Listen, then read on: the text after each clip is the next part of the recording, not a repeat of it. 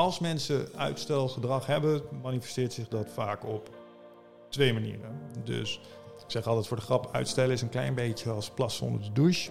Je hebt twee soorten mensen. Je hebt mensen die plassen onder de douche en je hebt mensen die liegen. En, en als je jezelf niet direct herkent in een uitstel, "Oeh, ik stel niet uit hoor, maar dan doe je het volgende vast wel. En dat noemen wij aanklooieritis. Heb je zelf iets gemaild? Gebeurt er van alles? Je hebt twee belletjes gehad en dan kom je bij de mail en denk je, oh ja, fuck ja. Ja, Dat, dat lijkt alweer vorige, vorige dag, maar dat was een uur terug. ja, ja Eh, precies. en dan kom je erachter, oh wat is mijn geheugen toch eigenlijk slecht. ja. En dat is Ja. niet erg, want het is er gewoon niet voor gemaakt. Nee. Welkom bij de Op Inspiratie podcast. Mijn naam is Jan Dekker en samen gaan we op ontdekkingsreis om ons leven vol tips en trucs nog leuker te maken. Wil jij meer energie en heb je andere gezondheidsdoelen? Doe dan gratis de VitaKruid vitamine test en krijg persoonlijk advies over welke voedingssupplementen bij jou passen. Doe dit via de link vitakruid.nl slash opinspiratie. Slimme mensen zoals jij weten dat wanneer ook jij deze podcast gaat liken, delen of op gaat abonneren, zo nog meer mensen kunnen inspireren. Doen dus. En wanneer je mooie inzichten uit deze podcast haalt, kan je mij ook sponsoren via opinspiratie.nl. Zo kunnen we nog meer afleveringen maken. Alright, eh, Michel Vos, hartelijk welkom in het nieuwe seizoen van Op Inspiratie. Tof dat je hier bent. Dankjewel, leuk om hier te zijn. Ja, mooi. Ik moet eerlijk zeggen, jij was eh, voor mij een eh, enorme, een enorme inspiratiebron samen met, met je maatje eh, Wigert. Voor, eh, voor jullie eindbaas podcast. Wat, wat Joe Rogan voor jullie was, waren jullie voor mij. Ja. Dus eh, allereerst dank daarvoor. Ehm, nu heb je inmiddels je, eigen boek geschreven met eh, Get Your Shit Together. In super concrete stappen naar jouw ultieme leven. Dat is waar wij het over gaan hebben. Kun je nog iets meer vertellen over jezelf? Ehm, ja, ik denk het wel. Allereerst sowieso leuk om te horen dat eh, dit een soort spin-off is van iets wat wij ooit een keer zijn gaan doen. Omdat we eigenlijk, ja, wat je al zei, Joe Rogantje wilden spelen. Ja, Eh, en we horen vaak van mensen, ja man, dat vonden we echt kicken, want we kenden Joe Rogan nog niet. ja, Maar nu kennen we wel podcast.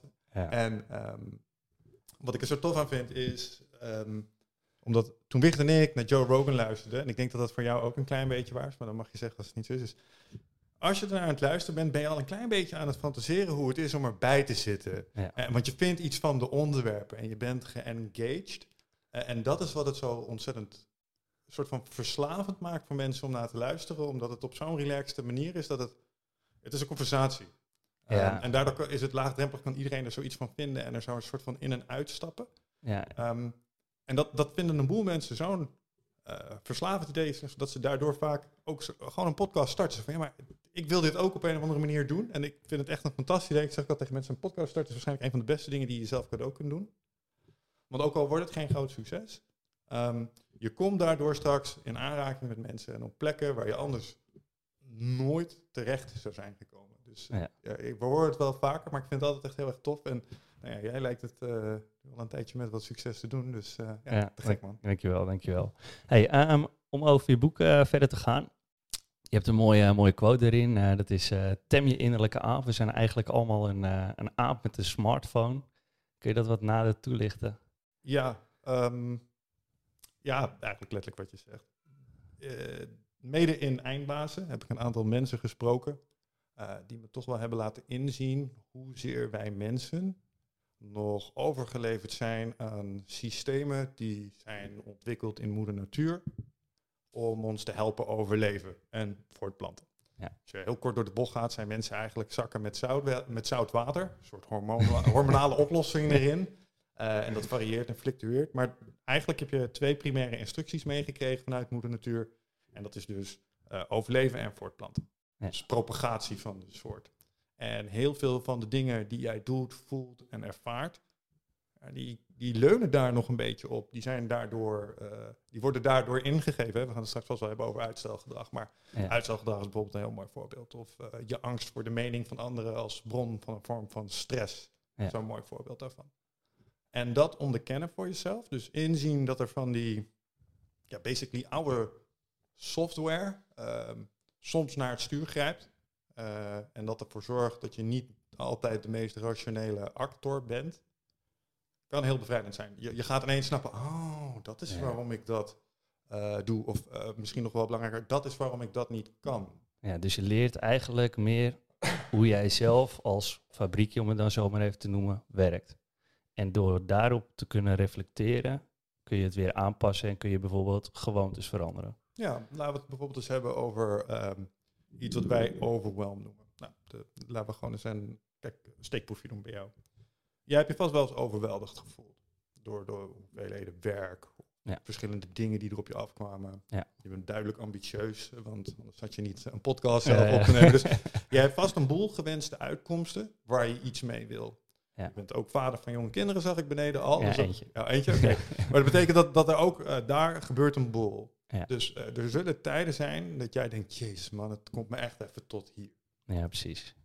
Ehm, als jij bent zoals de meeste mensen die ik in mijn trainingen tegenkom, dan heb je ook wel eens het gevoel gehad van, ja, jezus man, hoe kan het zijn dat ik dit allemaal niet gecheft krijg? Dat je bijna een gevoel van incompetentie krijgt. Ik denk, ja, ik ben een volwassen man, vrouw, maar ik kan het leven blijkbaar niet eens managen of zo. Mijn mailboxen peilen uit, ik ben niet bij op het werk, ik heb het gevoel dat ik achterloop in het huishouden. Shit man, wat veel, ik, ik krijg het overzicht niet. Ik weet niet of dat iets is wat je herkent. Eh, mentaal gezien niet, maar wel, het uit zich wel eh, fysiek in energie. Dus Ja. mentaal heb ik het op zich wel, eh, wel op orde, maar ik merk wel dat als ik bijvoorbeeld een drukke periode heb gehad en ik heb dan eh, even vrij of vakantie eh, voor mezelf, dat ik dan, eh, dat het zich dan uit fysiek gezien, dat ik bijvoorbeeld ja, griepverschijnselen krijg of dat Ja. soort dingen. Ja, dat is een mooi voorbeeld. Dat heeft ook een naam, dat, dat heet leisure sickness. Dus Ja, op het moment dat jij heel ja. veel cortisol hebt lopen opbouwen, dan gaat je lijf er ook een beetje op leunen. Ja, Als dan op een gegeven moment het lichaam tot rust komt, verdwijnt ook de cortisol. En dan zijn we iets open en bloot, want dat hield je immuunsysteem ook een beetje intact. En dat is er nou niet meer. En dan denk ik, oh oh, en dan bam, kletter je om. Ehm, maar misschien heeft ook dat wel eens je het gevoel gegeven van, jeetje, hoe kan het toch zijn dat me, me dit soort van overkomt? Eh, eh, een soort van frustratie, van ik krijg het overzicht niet. En een van de dingen die je mensen moet leren is van, ja, maar het is heel logisch. Kun je echt niets aan doen. Dat je dit gebeurt zonder, je kan er wel wat aan doen, er zijn allerlei dingen die je eraan kan doen, maar als je gewoon helemaal blanco met je natuurlijke template zoveel dingen probeert te fixen, zoals ik de gemiddelde professional tegenwoordig zie proberen te managen, dan is het niet gek dat je het overzicht kwijtraakt en dat je het op een gegeven moment allemaal niet meer gecheft krijgt Ja. eh, in je hoofd. En dat je dingen gaat vergeten, fouten gaat maken, eh, ja, ergens eh, energie op leeglekt, stress opbouwt. Ehm, en dat heeft dus allemaal te maken met, ja, ben je gewoon niet voor gebouwd vanuit moeder natuur. Was, was nooit nodig voor jouw voorouders om dat te kunnen. Die hadden een aanzienlijker en eenvoudiger leven. Dus daar heeft de software nooit in voorzien. En dan kan je denken, ja, maar het is toch best wel lang geleden dat we op de savanne liepen. Ja, dat klopt. 15 tot 20.000 jaar geleden. Maar dat is voor moeder natuur niet lang genoeg We verschillen daar niet zoveel van. Nee, om de boel te updaten.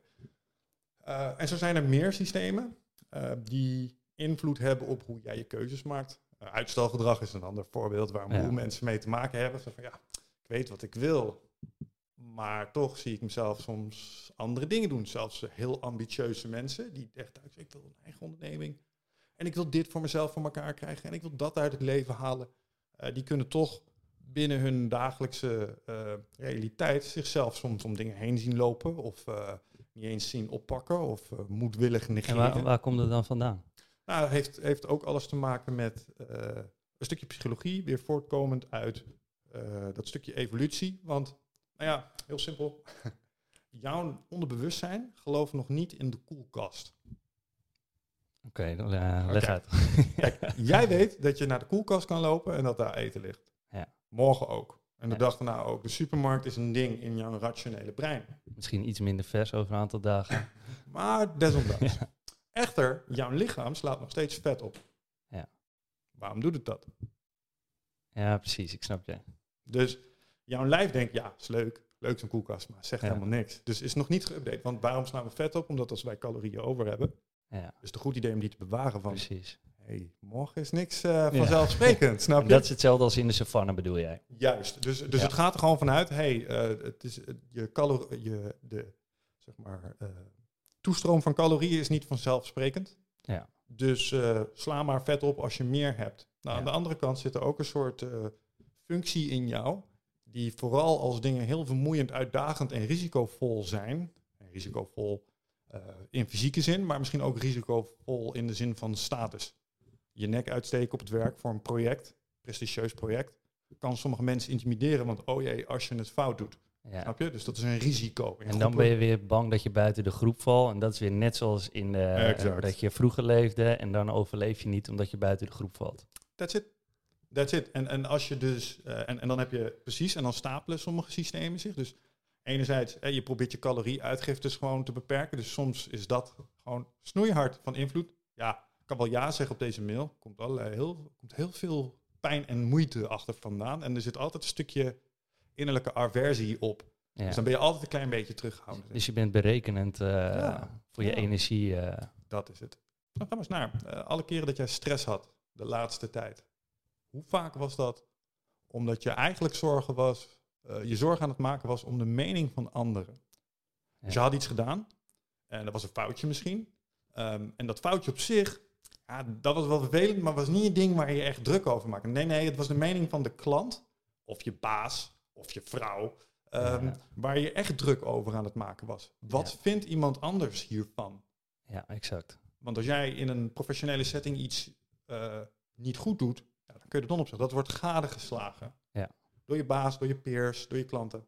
Ehm, en jij bent bang dat zij hun mening van jou zullen aanpassen. Dus ja. dat je zult dalen in de sociale rangorde, of in dit geval professioneel in de, in de competentiehiërarchie. Ja. Dus je bent minder bekwaam als professional.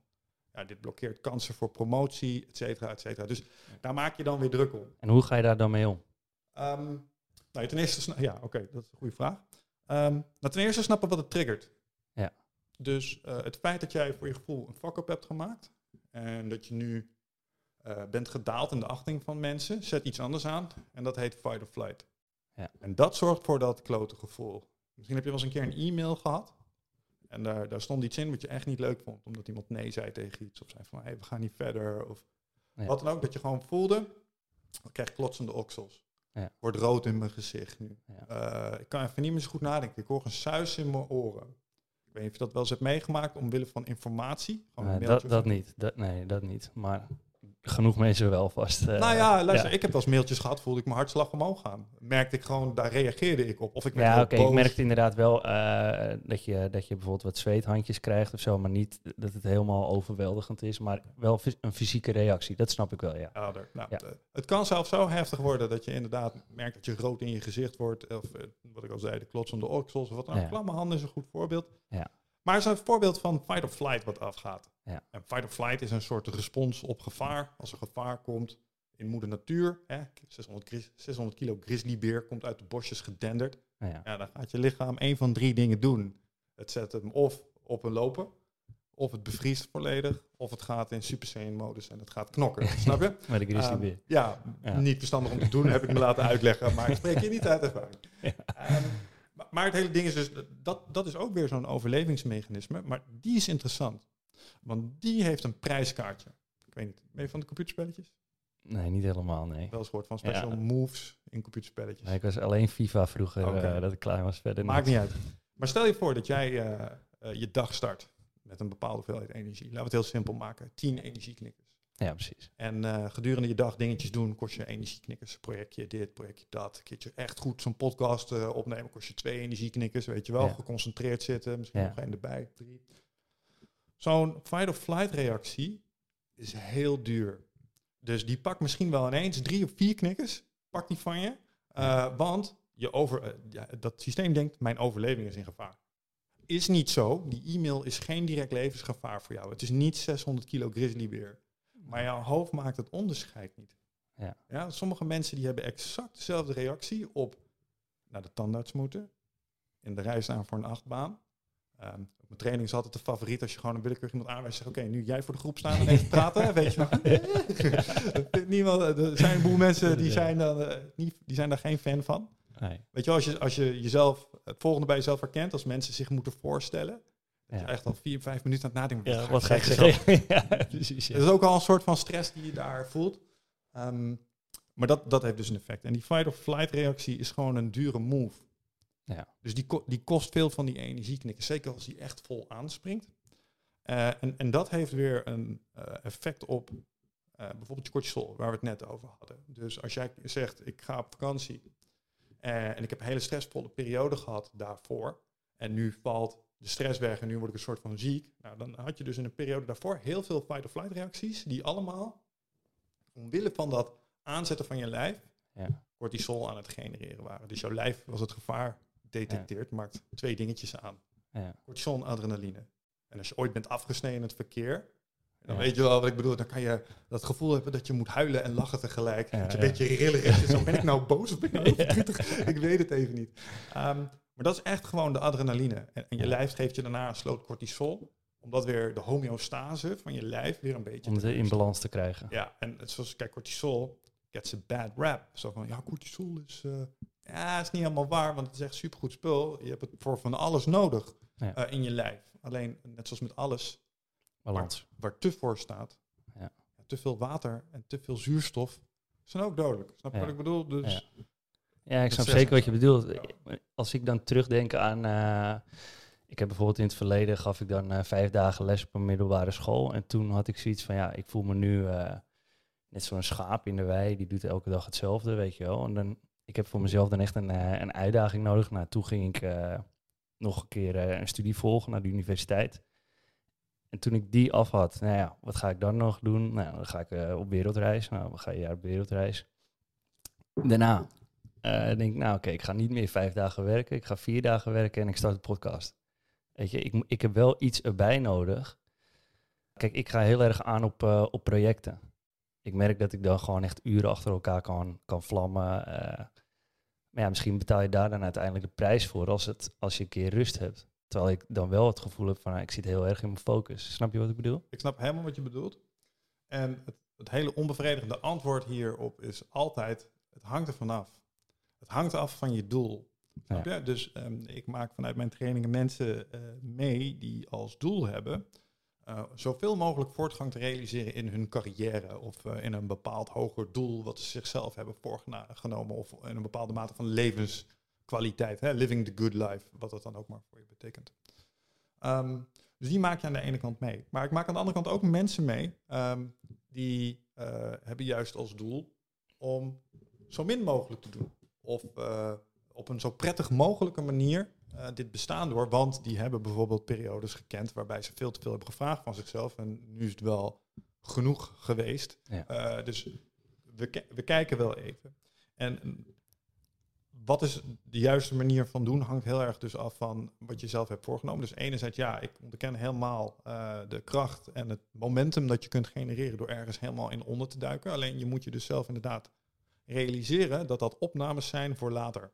En dat er een moment moet zijn waarop jij je bankrekening weer aanvult. En dat misschien één vakantie van twee weekjes per jaar, daar, als voormalig docent ligt dat dan misschien iets anders, want ik ken het onderwijs een klein beetje. Ja, ik geef nu nog twee dagen. Oké, check. Dus, eh, Maar je hebt wel langere periodes van vakantie. Maar ik Ja. zie sommige informatieprofessionals soortgelijk werk doen, met soortgelijke intensiteit. ja, En die gunnen zichzelf twee, misschien drie weken vakantie. En dan vinden ze het gek dat ze na twee, drie jaar soort van zijn opgebrand. ja, precies. Ja. Ehm, dus nee, eh, kan absoluut periodes van tijd goed inzetten, helemaal in onderdompelen, daar lekker veel energie uithalen. Ja. Zolang je maar aan de achterkant van die effort ook rust inbouwt. Ja. Ehm, en dat is iets waar ik een boel mensen nog wel eens mee zie worstelen. Want het, oh, het gaat zo lekker, we zijn nu zo fijn Ja, bezig. ja. Kom, we gaan nu nog eventjes, eventjes door. Ja. En dat is een, dat is een uitdaging. Ja. Maar wel, wel op te lossen. Hey, even terugkomend op dat, eh dat stressgerelateerde stukje. Stel nou dat mensen eh, eh, stress hebben van een e-mail of ik noem maar wat, een sportwedstrijd, een, een matchpoint die ze moeten slaan, een penalty moeten nemen. Hoe ga je om met een soort van stress, angst? Ja, nou ik zei al, eerste is ehm, snappen wat je gebeurt. Ja. Dus we hebben blijkbaar systeempjes die sommige dingen doen met ons lijf en ons een bepaald gevoel geven. De vraag is, hoe geldig zijn die? Is die informatie die je krijgt? Een mooi voorbeeld is bijvoorbeeld als je bang bent dat... eh, een voorbeeld uit mijn realiteit bijvoorbeeld is dat ik neem soms podcasts op en dan zeg ik dingen en dan verhaspel ik iets en dan ben ik dan echt daar kan ik weken zuur van zijn. Ja, ik heb de laatste potlood opgenomen met Alice eroverheen. Er zat één ding, het kwam ik niet zo lekker uit met hem. Kan ik nog steeds twee weken daarna kan fuck. Oh, ja, weet je, je er zelf veel mee bezig bent dan iemand anders. Jij kijkt erna, jij gaat langs dat moment heen, jij denkt er geen twee tellen over Ja, precies. Dat is gewoon een werkelijkheid. Ja, ja, ja. En, en, jezelf daaraan herinneren, dat, dat, dat, is heel, heel wijs om te doen op zo'n moment. Uh, dus je kunt een stukje mindfulness toepassen op de gedachten uh, die jouw eh, het ding wat in jouw hoofd woont, wat niet het beste met je voor heeft. Ja. Dat, ik heb je er straks een munt gegeven. Ja. Er staan vier overeenkomsten op en die komen uit een Tolteekse filosofie. Um, en die, die hebben daar een naam voor en die noemen dat de parasiet. Ja. Je hebt iets in je hoofd en dat fluistert soms gif in je oor. En um, zoals ik het wel, waar ik het wel eens mee vergelijk is uh, Instagram. Uh, je hebt een paar dingen in je hoofd wonen. Klinkt heel schizofreen dit, maar je hebt je innerlijke kind. Je hebt die parasiet. Je hebt je hogere zelf. Je hebt je ego. Snap je? Dus ja. er zijn allemaal verschillende stemmen. Bedoel. Variaties van Jan die iets vinden. En die zijn allemaal aan het posten op Instagram. Op je social media feed. Jij zit daar naar te kijken, zeg maar. En wat je moet snappen is dat de dingen die daarop staan, want soms gaat die parasiet gaat er iets neerzetten van ah, als je dit niet doet, jongen, dan ben je niet goed genoeg, ben je waardeloos. Niemand houdt van je. Ja, je hoeft het niet te liken, weet je wel. Je kan ook gewoon pak af, gek, weet je wel. Dat vind ik een mooie metafoor. Ja, scroll, scroll gewoon lekker verder en ga niet commenten en ga niet liken en ga niet sharen. Um, Want, en dit is een van Jan Geurts, waar we het er straks ook over hadden. Jij bent niet je gedachten. Ja, klopt. Ja, ja. En um, een houding leren ontwikkelen waarop je meer observant bent van die gedachtenstroom, waardoor je even kunt ingrijpen. Zo van, ja, ja, ik zie die post, maar het is niet van mij, hè? is van de parasiet. Ja. Dat is een sukkel. Daar gaan we niet naar luisteren. Ja, precies, ja. Uh, en dat leren herkennen um, is een hele belangrijke. En dan ga je vanzelf zien dat die parasiet wordt gevoed door trauma van vroeger, zelf opgelegde beperkingen, ervaringen die niet zo positief waren voor je. Dat scoren op de molen voor zo'n ding. Maar snappen dat dat iets is wat niet jij bent, is denk ik een van de bevrijdendste dingen die ik voor mezelf heb kunnen doen. Ja, ik, eh, ik heb het een uh, heel aantal jaren geleden voor het eerst toen gelezen in een boek van Jan Geurts, uh, Verslaafd aan Denken. Omdat ik toen heel erg in mijn hoofd zat. En toen was het inderdaad voor mij heel erg bevrijdend om, om te lezen dat je je gedachten niet kiest, maar dat die gewoon in je oppoppen, als het ware. Random. En, en het is aan jou, hoe ga je ermee om? Hè? Eh, bijt ik me erin vast? Ga ik er helemaal in mee? Blijf ik er een uur in vast gezogen, als het ware? Of kijk ik er alleen even naar en, en denk ik, hé, hey, dit is gewoon een oud patroontje, een soort cassettebandje dat zich afspeelt. En het is logisch dat die naar boven komt, omdat ik het heel vaak heb gedacht. Maar ik laat het los, ik accepteer het wel even van, nou ja, het is er. Want dan ga je het wegduwen, dan popt het uh, later weer uh, drie keer zo hard terug. En door dat te leren kun je inderdaad veel uh, betere keuzes maken, rustiger reageren in stresssituaties, betere keuzes maken. Ja, ja en, en als je kijkt naar het, het proces wat zich eigenlijk afspeelt op het moment dat je naar die feed aan het kijken bent. Ehm, ben ik een, een, filosofische stroming tegengekomen, de Stoïcijnen. En die weten dat echt heel mooi uit te leggen. Die, wat ze zeggen is, jij neemt dingen waar, uh, in je hoofd, maar ook in de werkelijkheid. Um, en er zit iets in jou, dat is vooral veel aan het oordelen. Komt een beetje vanuit je hogere zelf, maar dat is een beetje de, de helikoptervlucht. Die kan iets van je vinden. Oh, je zit erbij als een slungel. Of, uh, oh, die gast die rijdt niet door op de snelweg. Of, uh, oh, nu zie ik dit in mijn gedachten. Hmm, wat een donkere gedachten de laatste tijd, zeg. Zou het wel goed met me gaan? Dat ding, is aan het oordelen. Ja. En oordeel, hey, oordeel op zich, de gedachte op zich, is helemaal niks mis mee. Alleen wat het doet, is als, als jouw gevoelens een soort harp zijn, dan tokkelen, zeg maar, dat soort gedachten op je harp. Ja. Dus, uh, oh, ik ben niet pang, pijn. Of, uh, oh, zij doen het beter, pang, jaloers. Snap je? En, dat, dat, dat, en dat zijn je passions.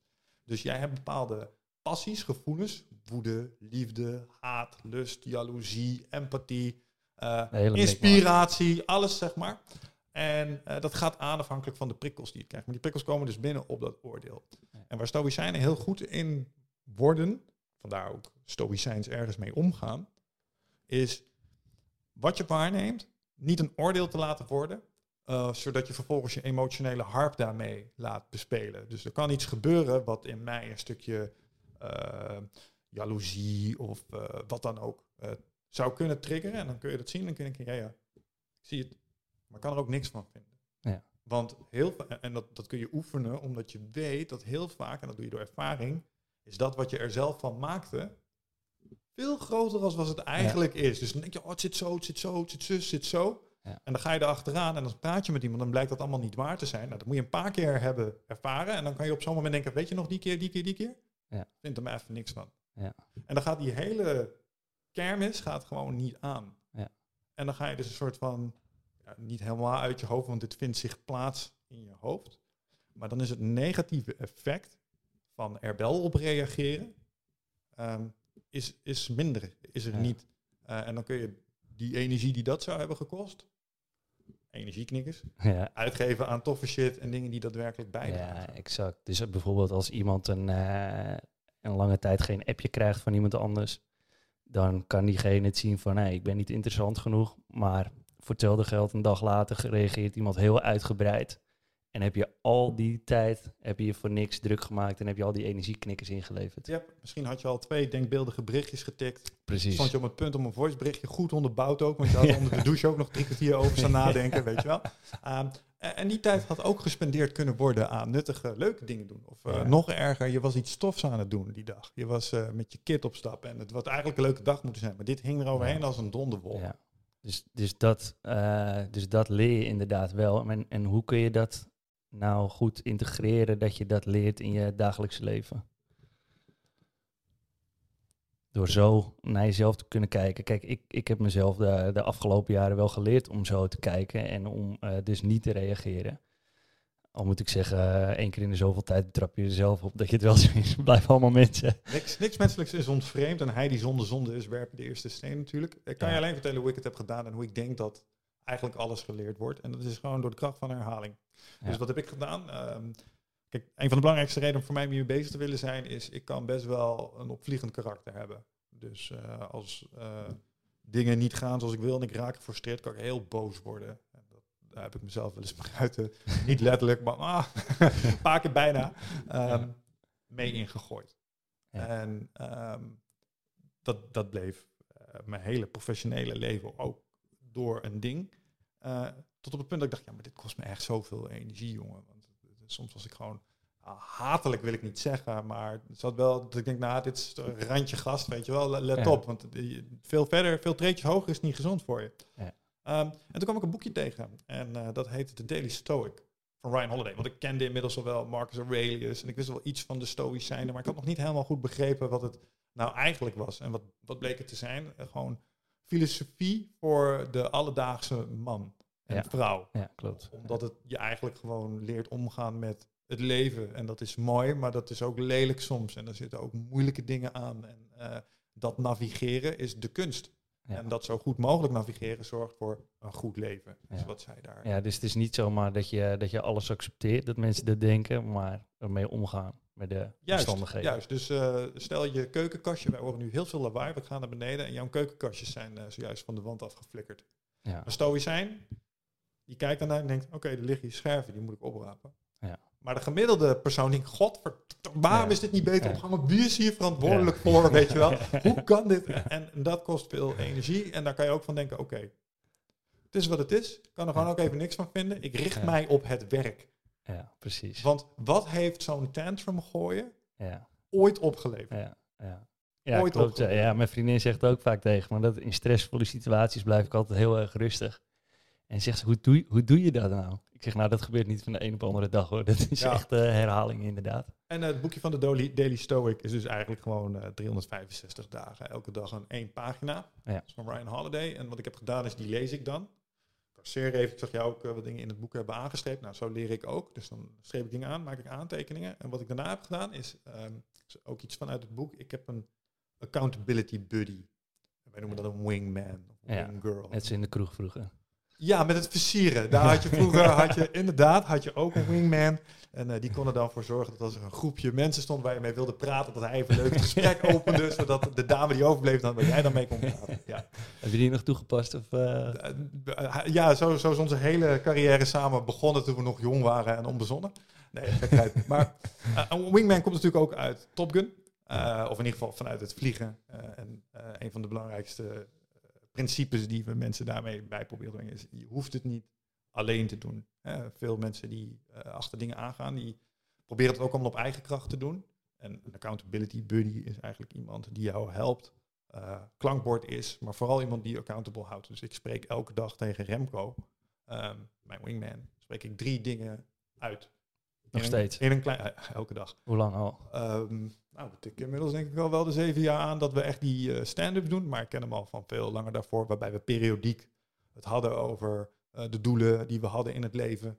Nee. Ehm, daar waren we best wel jong al wel mee bezig, kan ik nu achteraf eh, ehm, iets van vinden. Maar lang voor kort, ik spreek elke dag drie declaraties naar hem uit. Klinkt heel zwaar. Het is een kort berichtje van een minuutje of twee. Ja.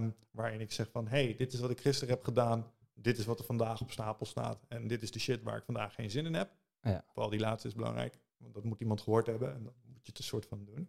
Maar eh, wat ik toen een tijd lang heb gedaan om dat stoïcisme mijn eigen te maken, is dat ik in die stand-up ook even de daily stoic les van de dag uit heb gelegd aan hem. Ah ja. Zo van, hey, de les van vandaag ging eh, over acceptatie van het lot. Dat noemen ze amor fati. Het idee daarachter is dat dingen gebeuren en dat daar ook een soort pracht in zit.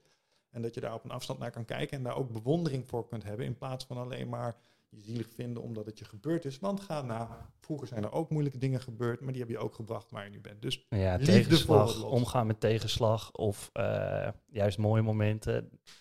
Je kunt ervan leren. ja, the obstacle is the way. Eh, Ja, want soms denken mensen wel eens van, hé, het, is, eh, het is tegenslag wat ik nu heb ervaren. Maar ja, ik ervaar hedendaags meer dingen als, ja, het gebeurt. En, en waarom? Ja, omdat ik gewoon weet eh, hoe bepaalde tegenslag eh, mij ergens heeft gebracht, zeg maar. Dus leer ik er meer, nou, hoe moet ik dit zeggen, objectief naar te kijken. Ja, en wat, wat het ook goed doet, is het afbreken in de wereld in twee categorieën, namelijk beheersbaar en onbeheersbaar. Ja. Wat ook wel een heleboel shit wegstreept, want de stelling is gewoon als het onbeheersbaar is. Kan je er niks mee, ja, precies. La, laat maar gaan, wat wil je eraan doen dan? Ja, de zon komt op. Ah, de zon komt op. Ja. Ja, hou op. Precies, goed man. Lekker bezig. Zo kom je de dag wel door. Mijn kind eh, die is net gaan lopen. Eh, goede prestatie voor mij, hè? Daar kan je niks aan doen. Nee, is ook niet ten verdienste van jou. Dus zo is je gewoon geprogrammeerd, de Ja, mooie natuur, weet je wel. En trots zijn. Ja, ja, ja, nee, maar dat is het. Dat is het. Ehm, en en dat, is, dat is misschien wel een hele mooie toevoeging daaraan. Ehm, en dat doen de Stoïcijnen ook goed. Het niet persoonlijk nemen van dingen. Dus als iets heel slecht gaat, ehm, ja, dan is dat wat het is. Maar neem dat niet persoonlijk. Zie dat niet als een disqualificatie van jezelf. Ehm, Ja. Dat is wat het is. Dus oké, je hebt een kast in elkaar gezet. Hij is nu weer in elkaar gestort. Je hebt het niet Ja. zo goed gedaan. Ja. Wil niet zeggen dat je een slechte timmerman bent. Eh, je moet misschien nog een beetje oefenen. Maar hetzelfde geldt ook inderdaad. Hey, ik heb een kind op de wereld gezet. Het kan gewoon praten voor zijn vierde, weet je wel. Ja, precies. goed gedaan, gast, weet je wel. Vet knap. Ja.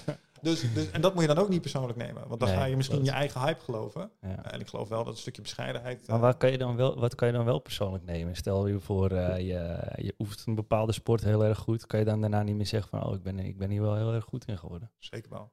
Ja. Tuurlijk moet je trots zijn. Ik Ja. geloof ook heel erg in het vieren van succes. Ja. Alleen het vieren van succes en het heel blij zijn met een bepaald wapenfeit versus ehm, God's gift to whatever zijn, is, is, is een verschil van dag en nacht. Want sommige mensen stijgt het succes naar het hoofd. Ja. Hè, dat is bijna de klassieker underdog ehm, wordt kampioen, is altijd deel 2. De kampioen is verwend geraakt en arrogant geworden en moet nu een pak op zijn falie hebben, zodat hij weer hongerig wordt, toch? Dat is Ja. Rocky 2 in een nutshell. ja. Ehm, dus daar zit ook een soort risico in. Hoe ga je daar dan mee om? Eh, hoe vind je dan die balans? Dat je dan eh, toch wel je successen kunt vieren, maar ook weer niet dat je de negatieve kant eh, alleen maar objectief daarnaar gaat leren kijken. Ja, ik denk dat ik geluk heb gehad dat ik op jonge leeftijd, in mijn vormende jaren, in aanraking ben gekomen met Braziliaans Jiu-Jitsu. Ehm, want dat is een vechtsport, een soort judo, eh, waarbij je elkaar met alles wat je in je hebt tot de overgave probeert te dwingen. Dus eh, als je het goed doet, dan kom je in een positie waarbij je misschien wel mij kunt verburgen. Als ik dan niet afklop, Ja. dan eh, verlies, verlies ik misschien wel mijn bewustzijn. Dus dat is heel eh, fysiek.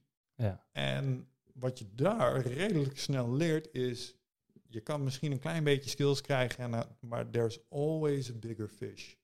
En die bigger fish is soms niet eens groter, want soms weegt hij gewoon 20 kilo minder als dat jij weegt. Maar heeft hij een betere techniek? Is hij gewoon hartstikke goed in wat hij doet? Is het een zwarte banden Braziliaans Jiu-Jitsu? En een zwarte banden Braziliaans Jiu-Jitsu van 60 kilo kan een kerel van 90, misschien 100 kilo, die niet weet wat hij doet, compleet manhandelen. Echt, Ja, dat is ja. gewoon niet grappig. Ehm, En, en daar leer je in hele, op een hele directe manier, dat maakt niet uit in welk domein je zit, Is dit, is altijd waar. Ja. Dit is altijd waar. Dus dan kun je wel denken, oh, ik heb boeken geschreven, kikkergast. Ja, Ja. maar stond je op nummer 1 in de bestsellers nee, van New York? Nee, dus shut the fuck up. Ja. Ga zitten, weet je wel? Ik wil niet zeggen dat je niet blij mag zijn dat mensen bijvoorbeeld zoals nu... ehm, nu ben ik heel blij, want jij hebt blijkbaar mijn boek gelezen. Vond je interessant genoeg om mij erover te spreken? Ja. Ja, tuurlijk mag ik daar even van genieten. Mag ik even blij om zijn. Maar moet tegelijk niet dan gaan denken dat ik kluun ben. Snap je? Nee, je relativeert. Juist. Juist. Dus, dus vier succes, maar snap waar je staat ten opzichte van de rest. Ehm, Ja. Met als bijkomend voordeel dat als je dat blijft doen, zie je ook altijd nog de weg die voor je ligt. Eh, en ik vind dat zelf heel motiverend. Dus ik weet dat er hierna nog een heuvel is waar ik ook weer kikke Ja, dingen kan leren. En Ja. waar, waar een vallei achter ligt met shit Ja. waar ik nog geen idee van heb. Dat prikkelt mij. Ja. Maar als je gaat relativeren, moet je natuurlijk ook beseffen wat je instapmoment is. Hè? Want kijk, eh, stel dat jij bijvoorbeeld een, eh, een podcast begint, die je bent begonnen.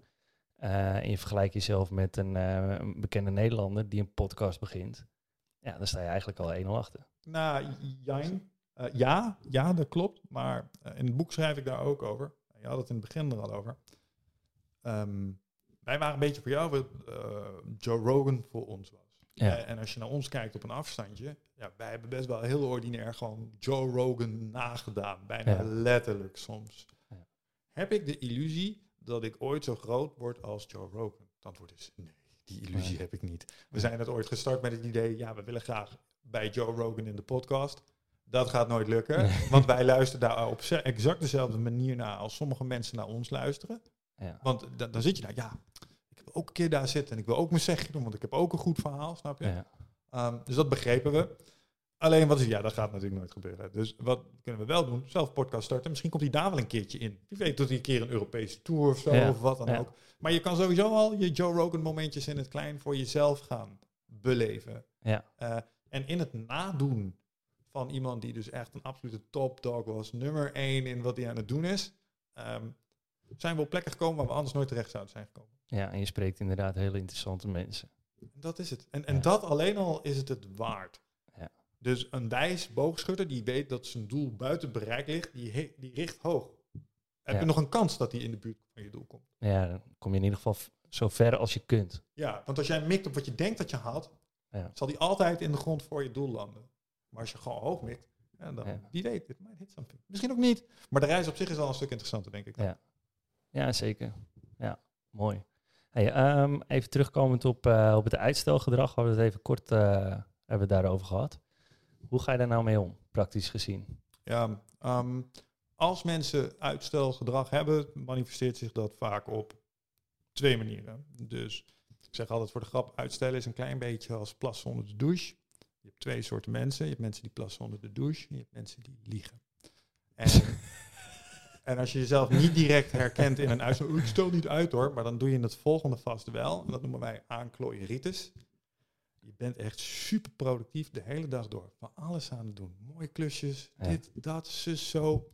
Ehm, maar wat je eigenlijk aan het doen bent, is dat ene lullige belletje, wat misschien maar drie, vier minuutjes gaat kosten op je actielijst. Dat is wat je echt aan het vermijden bent. Want het op- Ja. als je dat belletje doet, dan gaat er iets in werking treden. Of je moet iemand iets vertellen wat ze niet willen horen. Vind je moeilijk, heb je geen zin in. Dus wat ga je maar doen? Ander werk verzinnen. Ja. Eh, om niet dat ene ding te hoeven doen. En dat heet aanklooieritis. En dat onderkennen, dat is stap 1. Dus oké, ik heb blijkbaar uitstelgedrag. Ik ben shit voor me uit aan het schuiven. dus weten dat je het voor je uitschuift. Dat is stap 1. Stap 1. Eh, en dat ten eerste, ehm, en, dan heb je dus, waar we het er straks over hadden, een stukje bewustzijn. Komt voort ook uit dat stukje evolutionaire psychologie. Er zit Ja. waarschijnlijk iets achter wat het eh, te, te, te moeilijk, intimiderend of wat dan ook voor je maakt. Dus voel je niet incompetent, Nee, maar snap gewoon, het is, een- is een puzzeltje. ja, het Ehm, overkomt iedereen. Je hebt het nog niet goed aan je onderbewustzijn verkocht. Ja. Eh, en er zijn een aantal dingen die je kunt doen om dat gewoon te verminderen. Ehm, en de eerste is vaak, ehm, misschien is het ding wat je gaat doen te ver uit je comfortzone. Dus eh, misschien heb je het ding wel te groot gemaakt in je hoofd. Namelijk, ik moet nu, eh, ik wil iets binnen mijn team en nu moet ik een presentatie gaan geven voor mijn team. Maar ik vind public speaking niet zo heel erg tof. Dus eh, die afspraak inplannen schuif ik nu voor me uit. Ja. Dus, dus je expeditie buiten je comfortzone is te groot. Dan zeggen we, maak het misschien iets kleiner. Misschien kun je iets bedenken wat ertussen ligt, wat je wel die kant op helpt. Namelijk, wat nou als je gewoon eens een keer met één teamgenoot gewoon even gaat zitten, een uurtje, en dat je hem vraagt, kun je me even helpen met een outline bedenken voor die presentatie? En mag ik mijn ideeën even tegen je aanhouden? Eh, en dan denk ik dat ik me daarna zelf verzekerd voel en dan kan ik het daarna voor de groep doen. Ja, precies, ja. Dus je maakt hem gewoon iets kleiner. Je maakt Ja. hem wat overzichtelijker. Dus je, je maakt kleine stapjes. Kleinere stapjes die minder intimiderend zijn. Ja. eh, waar minder risico aan kleeft. En zo Zeker, lok je jezelf een klein beetje het pad op. Ehm, zeker bij grote intimiderende veranderingen werkt dit heel goed. Eh, dit is een voorbeeld van eh, Jordan Peterson. Ik weet niet of je die kent. Ja, ik volg hem. eh Oké, ik vind hem nou, ook heel interessant. Ja, nou, Ja. die heeft een, een voorbeeld op een gegeven moment bij Jocko in zijn podcast gegeven. Hoe ze werken met mensen die angst hebben voor naalden. Lijkt er heel erg op, hoewel eh, natuurlijk echt een naaldenangst eh, is natuurlijk wel een ander verhaal. Maar wat ze daar doen is eigenlijk, want het gaat ook over je comfortzone uitgaan. En wat Ja. ze zeggen tegen iemand die naaldangst heeft en niet geprikt wil worden, dan zeggen ze oké, wat we gaan doen is eerst dit. Jij komt naar mijn eh, kliniek toe, dan gaan we praten met elkaar, half uurtje, over jouw angst voor naalden. That's it. Oké, nou dat kan ik. Volgende keer als je hier komt, gaan we weer een half uurtje praten over je angst voor naalden. Maar als jij hier naar binnen loopt zo meteen, er staat een kastje, die heb je gezien hè? Ja, oké, daar ligt straks een naald in. Die gaan we bekijken. Nee, gaan we niet bekijken. Er Oké, ligt gewoon een naald in. er Jij loopt er gewoon langs heen, niks aan de hand, ligt een naald in, that's it. Ja. En de keer dat je erop komt, dan ligt die naald er weer, maar ligt die op tafel. Ah, ja, ja. En de volgende keer ligt hij in de kamer. En de keer erop, leg hem even op je huid. Mag je hem vasthouden? De keer Ja. erop, leg hem op je huid. En dan misschien de keer daarop, als je er behoefte aan hebt, kunnen we kijken of we bloed kunnen afnemen bij. 17 stappen ertussen of zo. Maar wat je telkens doet, is kleine expedities, je comfortzone Ah, ja. uit. Even wennen, even kijken hoe het hier is. Oh ja, gaat goed. Oh, het was nu iets erger als de iets erger tussen airquotes als de laatste keer. Maar ook dit heb ik gewoon overleefd.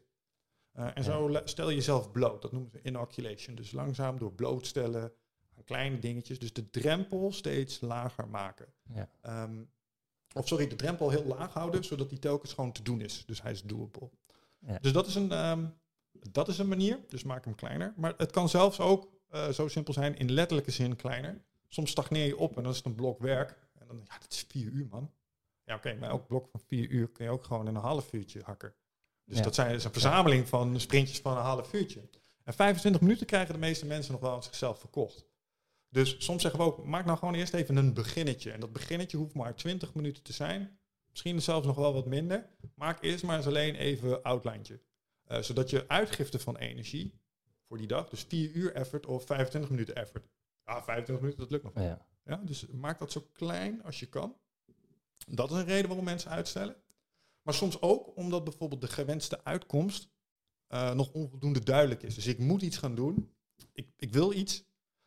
Maar eigenlijk weet ik niet zo goed wat het is wat ik ga, als we terugkomen op het, het stuk klein, wat ik ga boetseren. Dus wat, Ja. ga ik, wat moet ik nou eigenlijk maken dan? Ja. Deze klant heeft blijkbaar een vraag, wat, wat wil die van mij? Oh, hij heeft een marketingplan nodig binnen zes maanden waar X, Y, Z in staat. Ja, als je dat niet weet, weet je ook niet waar je aan het maken bent. Dus soms moet je gewoon even de gewenste uitkomst verhelderen. En heel vaak is dat een belletje plegen, een mailtje voor een afspraak maken van hé, hey, ik heb mijn kaders nog niet goed genoeg. Ehm, en daarom stagneer ik nu. Dus ik weet niet wat ik aan het bouwen ben of wat ik moet produceren. Nou, dan kan je gewoon een eerste hele kleine simpele. Een mailtje sturen naar iemand die je dat wel kan vertellen. Ja. Of een mailtje sturen naar iemand die jou kan vertellen wie dat kan vertellen. Er is altijd iemand die het je kan vertellen. Ja. Ehm, en daar begint hij dan.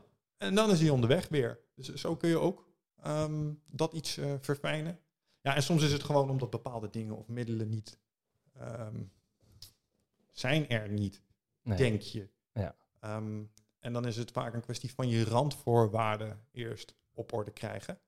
Ehm, dat is ook waarom wij zeggen, als, we, als je dingen gaat maken, eh, leer ook even nadenken over shit als eh, projectmateriaal. Als jij bijvoorbeeld wil gaan hardlopen, dan heb je ineens behoefte aan sommig materiaal. Schoenen, horloge, maar ook een hardloopschema. Ja. Als jij bijvoorbeeld nog niet weet hoe je moet... Ja, ik wil, graag, ik wil graag fit worden en ik heb hardlopen gekozen. Maar ik kan niet hardlopen. Dus ik weet niet hoe lang of hoe... Nou, oké, dan mis je iets. Namelijk een programmering. En even nadenken over wat de dingen zijn die je nodig hebt voordat je iets doet. Dan denk je, oh ja, ja, ik heb erover nagedacht. Ik heb ook nog geen schoenen, ik heb nog geen horloge, ik heb nog geen programmering. Ja. Ja, dit zijn kleine acties, hè. Dat zijn drie Google-acties. Ja. En, Ehm, en tevens verhelder je het weer. En dat is altijd het trucje. Ja. Dat is altijd, daar zitten de haakjes voor voortgang. Zodra je dingen in focus brengt en je zegt, hé, hey, wat zeg je nou eigenlijk echt?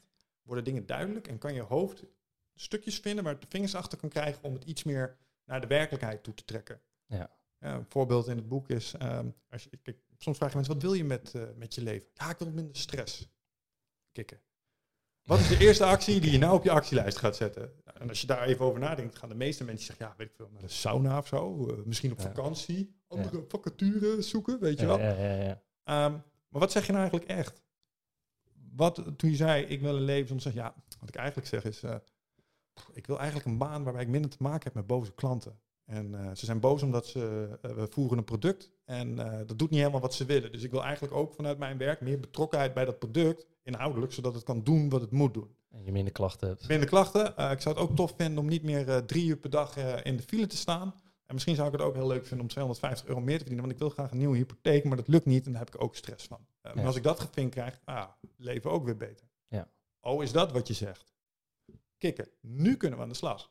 Want als je zegt willen leven zonder stress, ja, dan gaat op jouw actielijst een actie komen als vakantieboeken, zenretreat, ehm whatever. Maar zeg je, ik wil een leven met minder boze klanten, meer inhoudelijke betrokkenheid, minder in het OV zitten, eh, meer centjes verdienen. Dan kun je concrete stappen maken. Je kunt nu al dingen verzinnen die je kunt doen om dat te fixen. Ja. Schiet direct je hoofd in. Want jouw hoofd is een probleemoplossend machientje. Dat is, eh, kijk, want we hebben het er straks over die evolutionaire psychologie gehad als zijn de hindernissen voor je eh, voortgang. Hè, uitstelgedrag, fight or flight. Maar je hebt ook een paar hele knappe systeempjes die echt super tof zijn. En die je heel erg voor je kunt laten we- werken. Ja. Want wat, het voorbeeld wat je hier zag, eh, is het probleemoplossend vermogen van jou als individu. Dus als ik nu tegen jou en je luisteraars zeg, hé hey man, stel je het volgende voor. Je staat aan de waterkant van een snelstromende rivier. Ja? En aan de overkant van die rivier zien we struiken met eten. We hebben honger, dus we moeten naar de overkant. En aan de rechterkant staat een grote boom. Met een laaghangende tak hangt een liaan aan. Er dobberen twee eh, boomstammen hier voor ons. En een stukje verderop ligt een stapel stenen en daar staat wat riet.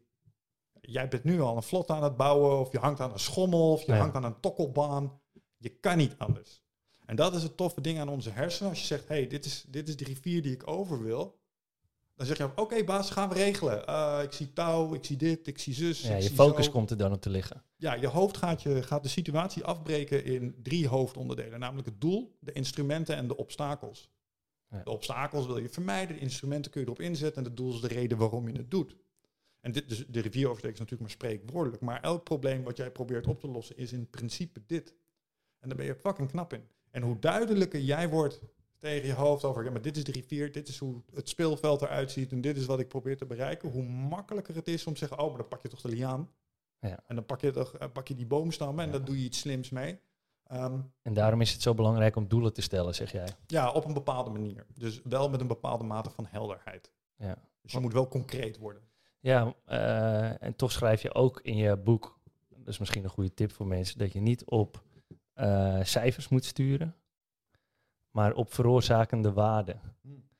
Kun je dat eens uitleggen? Ja, een van de dingen die we, ik als ondernemer, Ja. eh, maar ook als iemand die met zijn vitaliteit bezig is eh, geweest, heb geleerd, is dat ehm, als het gemeten wordt, wordt het gemanaged. Dus als jij je calorieën trekt, dan ben je ineens heel anders in je gedrag met je voeding. Ik weet niet of je dat eh, wel eens gemerkt hebt. Of als je je trainingen of je slaap logt, ga je er eens anders mee om. Ja. Ehm, ik stuur op acht uur slaap. Ik heb een mooie app van Garmin, die kan mij precies vertellen... hey, je hebt zoveel uur slaap gemiddeld per week. Nou, als dat onder de acht komt, dan pas ik mijn gedrag aan. Ja. Dus, eh, en waarom doe ik dat? Omdat ik mij op een bepaalde manier wil voelen. Wat ik ook zou kunnen doen, is zeggen, ik ga elke dag mezelf een rapportcijfer geven hoe ik me voel. En als dat rapportcijfer niet zo eh, goed wordt, dan ga ik dingen bedenken eh, die dat beter maken. Maar dat heb ik al gedaan. En een van de dingen die daaraan bijdragen is slaap. Dus wat moet ik echt meten als mijn doel is mijn gevoel zo hoog mogelijk krijgen? Ja, niet dat rapportcijfer Zelf. op mijn gevoel. Nee, nee, wat gaat eraan vooraf? In dit geval slaap. Ja. En een ander voorbeeld in een ondernemerscontext is bijvoorbeeld eh, omzet. Als ondernemers gaan sturen, gaan ze naar hun omzet kijken. Ja, dat is op zich goed, moet je ook doen. Maar je moet ook realiseren dat er iets vooraf gaat aan jouw omzet. Ja. En dat kan bijvoorbeeld zijn, ja, eh, als je bijvoorbeeld, we hebben een supplementenwebshop gehad. Zeg je, ja, dat is logisch, dat is hoeveelheid potjes die je verkoopt. Ja, nee, dat is de som, zeg maar, potjes keer prijs is omzet. Nee, nee, er gaat iets aan vooraf. En wij weten dat inmiddels, namelijk, wij zien altijd een ontzettende piek eh, in onze dingen als we nieuwsbrieven versturen en als we nieuwe producten SEO-optimalisaties doorvoeren. En daar gewoon concreet tijd en aandacht aan besteden. Dat is gewoon een aantal uurtjes SEO, is gewoon meer conversie, goede nieuwsbrief, idem dito. Dus wat ga je dan meten? het aantal nieuwsbrieven die je verstuurt en het aantal uurtjes die je besteedt aan SEO. Want die hebben blijkbaar een effect op je conversie. Ja. Niet je conversie zelf, daar gaat iets aan vooraf. Ik snap hem. Hetzelfde met eh, eh, omzet, uh, bijvoorbeeld bij 12 heeft bij mij. Kijk, als je een tijdje meedraait, en dat is wel het ding met stuur op cijfers, je moet op een gegeven moment wel even een bepaalde basis opbouwen, maar je, je kunt gewoon beginnen met meten op elk moment. Um, maar ik weet dat als ik een bepaalde omzet wil halen, um, ja, ik doe het al een tijdje. Ik weet wat de gemiddelde omzetwaarde van één offerte is. Dus ik weet dat als ik omzet X wil halen, heb ik zoveel getekende offertes nodig. Maar ik weet ook iets over mijn commerciële vermogen. Dus ik weet van de vier gesprekken die ik doe, mag ik van één mag ik een uh, offerte uitbrengen. En van alle offertes gaat er één op de vier door. Hoeveel offertes moet ik uitbrengen? Ja, en hoeveel kopjes ja. koffie moet ik doen? Dat, dat zijn dan sommetjes die je kan gaan maken. En daar kan ik op sturen. Ja. En, en dat is het verschil tussen eh, leading en lagging. Eh, en in het boek noemen we dat dan KPI's, Key Performance Indicators. Kan je dat uitleggen? Een Key Performance Indicator is iets wat je wil meten, eh, dat iets zegt over de kwaliteit van iets wat je doet. Bijvoorbeeld, ik ben een so- eh, software engineer geweest. Ehm, of, te veel eer. De software engineers die me kennen, nee, nee, nee, jij komt PHP'en, dat is niet hetzelfde. Maar in mijn IT-tijd eh, was een van de dingen die we bijvoorbeeld aan het meten waren, was ehm, de responstijd van onze servers. Dus als jij op eh, Gmail werkt, Ja. en dat is heel traag, is geen fijne gebruikerservaring. Snap je? En een key performance indi- indicator is bijvoorbeeld de laadtijd van een scherm. Oh, ja. Ja, of eh, het aantal klikken dat een eh, gebruiker nodig heeft voordat hij tot conversie overgaat op je webshop. Ja. Want eh, je hebt je winkelwagentje heel ongelukkig verstopt. Nou, en als je daar twee klikken uit kunt slopen, dan Heb gaat je eerder- conversie omhoog. Heb je eerder omzet? Ja. Ja. En key performance indicators zijn eigenlijk die dingen die je in jouw proces zou willen meten om iets over je kwaliteit te zeggen. Ja, en dan kun je weer inzien hoe je makkelijker je doelen kunt behalen. Ja. Oké. En ehm, om je gewoontes aan te passen heb je natuurlijk ook eh, een bepaalde focus nodig. Eh, we hebben het net al een beetje gehad over eh, die 20 tot 25 minuten werken. Dat noemen ze ook wel eens die Pomodoro-technieken. Jij noemt het een, een Tabata-techniek. Bijna, bijna Tabadore. oh, Tabadoro. ja, maar sorry. dat was wel Tabata. Want Ja, klopt. Je hebt enerzijds de Pomodoro. Ja. Gewoon, weet je hoe, waar die naam vandaan komt? nee, dat weet ik niet. Pomodoro is Italiaans voor tomaat. Ja, en die dat meneer die, die dat deed, deed dat met een wekkertje. Oh, zo, ja, ik wist is niet dat hij daar vandaan kwam, zeg Dat maar. is de ik dacht misschien is het eh, iets Ja. anders. Dus Pomodoro is gewoon werken in sprintjes van 25 minuten. Met Ja. eh, vijf minuten rusten tussendoor. Want 25 minuten aandacht. eh, als we een vreemde taal leren, dan eh, weten we uit ervaring, het zal te- tegenwoordig iets minder zijn, denk ik, met die aandachtskrommers die afnemen. Maar Klopt, jij kunt 25 minuutjes ongeveer vreemde woordjes leren. En Ja. daarna moet je echt even wat anders doen, want anders neem je niets meer op. Nou, dat herkennen we allemaal. Ja, en dat is dan dus misschien met een, eh, als je echt iets leert. Maar ik merk bijvoorbeeld als ik ga editen, dan kan ik echt eh, soms wel drie uur achter elkaar ben ik bezig. Ja. Zonder dat ik een pauze nodig heb. Dan komt eh, mijn vriendin soms wel binnen met, met eten hier. Ja, oké. eh, Gefeliciteerd, dan had je flow. Ja. en dat is ook een, fantastische staat om in te verkeren. Dus dat kan ik alleen maar aanmoedigen. Ehm, maar dat is niet iedereen gegeven. Dus sommige mensen die kunnen dat dan eh, misschien maar een uur. En daarna haken ze af omdat ze dat niet meer kunnen opbrengen. Wigget is net zoals jij. Die kan dat ook. Die kan gewoon vier uur ergens in onderdompelen. En Ja. dan is het van A tot Z en dan vergeet hij te eten, te drinken en dat soort eh, dingen. Er is helemaal niks mis mee. Vind je dat moeilijker, dan zijn die 25 minuten sprintjes zijn gewoon perfect. ja. Doe je vijf minuten tussendoor even wat anders. En we combineren het inderdaad met iets, eh, dat heet een Tabata. Ik heb ook een verleden als personal trainer. En mijn favoriete trainingsmethodes was een Tabata. En een Tabata is iets 20 seconden of een minuut of wat dan ook, maar die gewoon een bepaald x aantal seconden op maximum effort doen. Dus 20 seconden maximaal knietjes omhoog. Ah, ja. 10 seconden rust. 20 seconden, maximaal knietjes omhoog. 10 seconden rust. Dat acht keer. Ehm, en als je die twee com- combineert, dan krijg je dus een Pomodoro en een Tabata. Dan krijg je een Tabadora. En dat zijn Ah, eigenlijk zo. acht rondjes. Want Pomotata klonk raar of zo. snap ik. Wordt bijna panna cotta. Ja, ja, Eh, precies, precies. Dus, dat- dus dat is het idee daar. En het, eh, het idee is om te komen in de staat die jij zojuist omschrijft. in de flow. flow. Ja. Wat we mensen ook aanbevelen om, als je op die manier gaat werken, eigenlijk wat we zeggen is blokkeer ongeveer vier uur voor projecten die je echt af wil krijgen bijvoorbeeld, of waar echt even meters op moet moeten Ja. gemaakt. En elimineer afleiding. Ja, want dat is ook exact wat ik doe. Eh, mijn telefoon ligt dan bijvoorbeeld er beneden als ik hier aan het werk ben, of eh, vice versa. Ik heb Ja. mijn telefoon echt absoluut niet eh, ter beschikking. Andere afleidingen ook niet. Beste voorbeeld, gewoon je telefoon bijvoorbeeld uit. Ja, weg. Andere kamer is nog beter. E-mail even uit. Ja. Ehm, zorgen, ja, de mensen die op open kantoren werken, ehm, verhuis even naar de verdieping erboven of eronder. Kan vaak wel. ja, Maar, maar zorg dat je even niet vindbaar bent. Zet je teams gewoon even uit. Ja. Eh, dat, dat soort dingen. Want mensen onderschatten wat dat voor een inbreuk maakt op die mentale staat en wat je dat kost. ja. Of een bordje bij eh, open kantoor. Even op groen of op rood. Ja, maar als, Of, er, eh, als er pannenkoeken rondlopen zoals ik, die hebben daar echt scheid aan. ja, dat dacht ik al, ja. Denk ah, dat is een mooi bordje. Was het Ja. idee daarvan Ja. Oh, Ja, oh ja, je wilde graag ongestoord wekken. Kikken. Hey, maar nu je toch heb... eh, Korte vraag, korte vraag. kort. Nee, maar zonder grappen. De duurste vraag op de, op, de, op de werkvloer, op een gemiddelde kantoor, is de vraag, mag ik je even wat vragen? En het duurste geluid is de Nokia of iPhone ringtone. Ja, precies. Want, Ja. en, en dat heeft Mar- een hele leuke gast voor jou misschien ook wel. eh Mark Tichelaar. Zou ik zeker Ja, ik heb wel contact met hem gehad, ja. Leuk vent ook, maar Ja. die noemt dat task switches. En die kan het ook gewoon kwantificeren. Dus stel je voor, je bent eh, lekker eh, bezig. Dus je zit lekker dingetjes te doen. Stel je bent een tekst aan het produceren. En je zit er goed in. Je bent Ja. nu, weet ik wel, 50 woorden per minuut aan het produceren. Je kan echt heel snel tikken. Ja. Eh, en nu komt er iemand langs. En eh, die, hé, hey, mag ik je even wat vragen? Ploep. Wat er nu gebeurt, is dat jij moet switchen van taak. Ja. Dus het is nu al te laat eigenlijk. Want je gaat nu uit. Dus, en- Uit je flow. en- ja, uit je flow. Dus je moet uit de klus die je aan het doen was en jouw hoofd.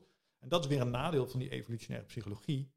Ehm, als we ons hoofd zouden vergelijken met een computer, zie je mensen wel eens doen, dan is dat ding een soort Commodore 64. Dus het is niet zo heel goed in di- meerdere dingen tegelijkertijd doen. Dat kunnen moderne computers echt heel goed. Wij niet.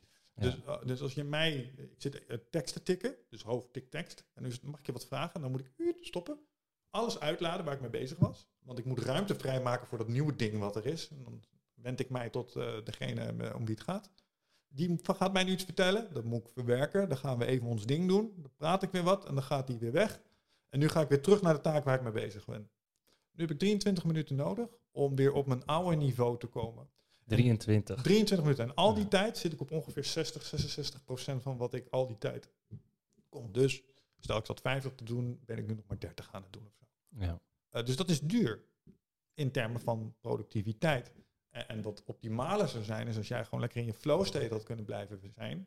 Je ding kunnen doen, afronden en dan vervolgens het probleem van de, Ja. van de anderen te tackelen. Ehm, want dan had je eh, het voordeel gehad van die extra paar woorden, de concentratie, de flow en, en het momentum wat je daarin had. En was dezelfde klus in minder tijd met waarschijnlijk minder fouten eh, gefixt geweest. Ja. Nou ja, en dat is optimaler als telkens die wisselingen eh, die, we, die we tolereren tussendoor. Dat is eh behoorlijke eh, verandering, zeg maar, qua productiviteit, als ik het zo. Als je dit goed weet te doen, kan dat echt een. eh, dat kan heel veel verandering met zich meebrengen. De- Te meer omdat als je van tevoren ook nog eens voorneemt wat je in die blokken afmaakt. Dus als je het hebt over structuur in je dag introduceren. Kijk, de meeste mensen worstelen met het geven. Ik moet dingen afkrijgen voor een bepaalde tijd. En daar zit soms een spanningsveld op, want we hebben zoveel dingen die we af moeten krijgen in een bepaalde tijd. Ja. Ehm, en op het moment dat jij in je dagstructuur bijvoorbeeld dit soort concentratieblokken, want dat zijn het eigenlijk gewoon weet te bouwen, en die weet je een beetje te verdedigen. En je denkt van tevoren ook even na over, nou het zou wel heel mooi zijn als ik binnen deze vier uur deze twee projecten zou afkrijgen. En wat betekent dan, ze zijn af. Nou dan heb ik een document waar tenminste dit in staat. En ik heb een Excel sheet waar tenminste dit in staat. En dat heb ik dan aan het einde daarvan ook nog eens opgeleverd bij de mensen die er iets van ehm, vinden. Als je zelf dat zou gunnen, dan garandeer ik je een voortgang die is echt ongekend. Want dit is niet dit is hoe iedereen zou willen werken, maar dit is niet hoe iedereen werkt. Want iedereen werkt overal een beetje verdeeld aan, afhankelijk van wat er binnenkomt. Multitasken. Nou, dat niet alleen. Eh, ze zijn zo schizofreen in hun planningen. Ja. Dus eh, mensen kunnen aan het begin van de week kunnen ze zich voornemen: oké, het is nu maandag, half negen. Ik ga deze week, eh, vandaag sowieso, ga ik dit doen, ga ik dat doen, ga ik zus doen, ga ik zo doen. En dan eh, zitten ze aan het eind van de dag terug in de auto op de fiets. Haar helemaal door de war, kleren door, blauw oog, bloedneus. Je hebt geen idee wat er gebeurd is die dag. Maar in ieder geval niet wat jij om half negen ochtend jezelf had Ja. voorgenomen te doen. En waarom is het zo belangrijk om dingen dan op te schrijven? Omdat je. Je kan gewoon niet op je hersenen vertrouwen. Ja, dat is een mooie. Het kan gewoon niet. Je bent. Die is ontwikkeld alleen voor ideeën, maar niet om dingen op te slaan. Ja, dus uh, zoals David Allen dat zegt in zijn boek Getting Things Done, um, the head makes for a crappy office. Ja. Dus het is gemaakt, je hoofd is gemaakt om ideeën te krijgen. Niet om ze vast te houden. Dus het is gemaakt om aan een rivierrand te staan en te denken, hoe komen we hier nou weer overheen? Alleen het probleem wat jij nu hebt, is dat je eigenlijk, uh, je bent tientallen van dat soort rivieren tegelijk aan het oversteken. Want je hebt een podcast waar je mee moet, je hebt iets met vaderschap waar je mee moet, je hebt iets in je ondernemerschap, je hebt ook nog dingen op school te fixen, snap je? Dus je hebt allemaal riviertjes die je aan het oversteken bent, ook nog eens tegelijkertijd. En de oplossingen, die schieten wel je hoofd in, maar jij bent een soort neurologische maaslander. Je vindt het dan moeilijk om te onthouden wat je twee dagen geleden gegeten hebt. Snap je? Laat staan dat je al die fantastische suggesties van je brein over oplossingen voor problemen die je hebt, allemaal kunt onthouden. En uh, een van de belangrijkste stapjes die je kunt maken voor jezelf als je gaat beginnen met gestructureerd werken is, wat nou als je alle ideeën die je krijgt in je hoofd gewoon direct opschrijft. Dus als er zoiets te binnen schiet, hé, hey, ik zou eigenlijk nog uh, die en die een mailtje moeten sturen. Dan niet denken, ah, dat onthoud ik wel. Nee, nee, uh, heb je vast wel eens gedaan. Heb je zelf wel eens een mailtje gestuurd? Ja. Om iets niet te vergeten? Ja. Dat. Doe dat. Of heb een boekje waar je het gewoon standaard in kunt zetten. Een boekje heb je altijd bij je. Maar heb plekken, inboxjes noemen ze dat, want meeste mensen kennen inbox als zijn de plek waar je e-mail binnenkomt.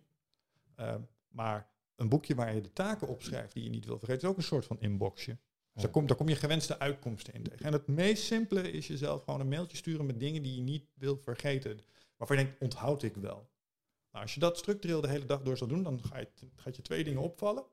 Uh, de eerste is, jeetje, wat heb ik een boel van dit soort ingevingen die ik normaal altijd aan mijn geheugen toevertrouwde. En als je een tijdje ermee werkt, denk je, oh wat fijn dat ik dit nog even naar mezelf gemaild heb, want ik was het alweer glad vergeten. Ja, ja want dit fenomeen kun je zelfs hebben binnen uh, het tijdbestek van een uur.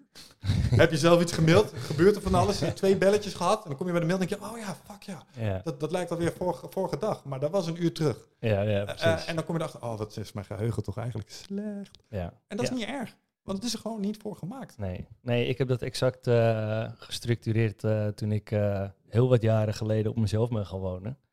Toen heb ik voor alles vaste plekken ook gecreëerd, omdat ik gewoon weet, ik kan niet vertrouwen op, op mijn geheugen. Ja. Omdat je zoveel dingen gebeuren er tussendoor, altijd op de dag.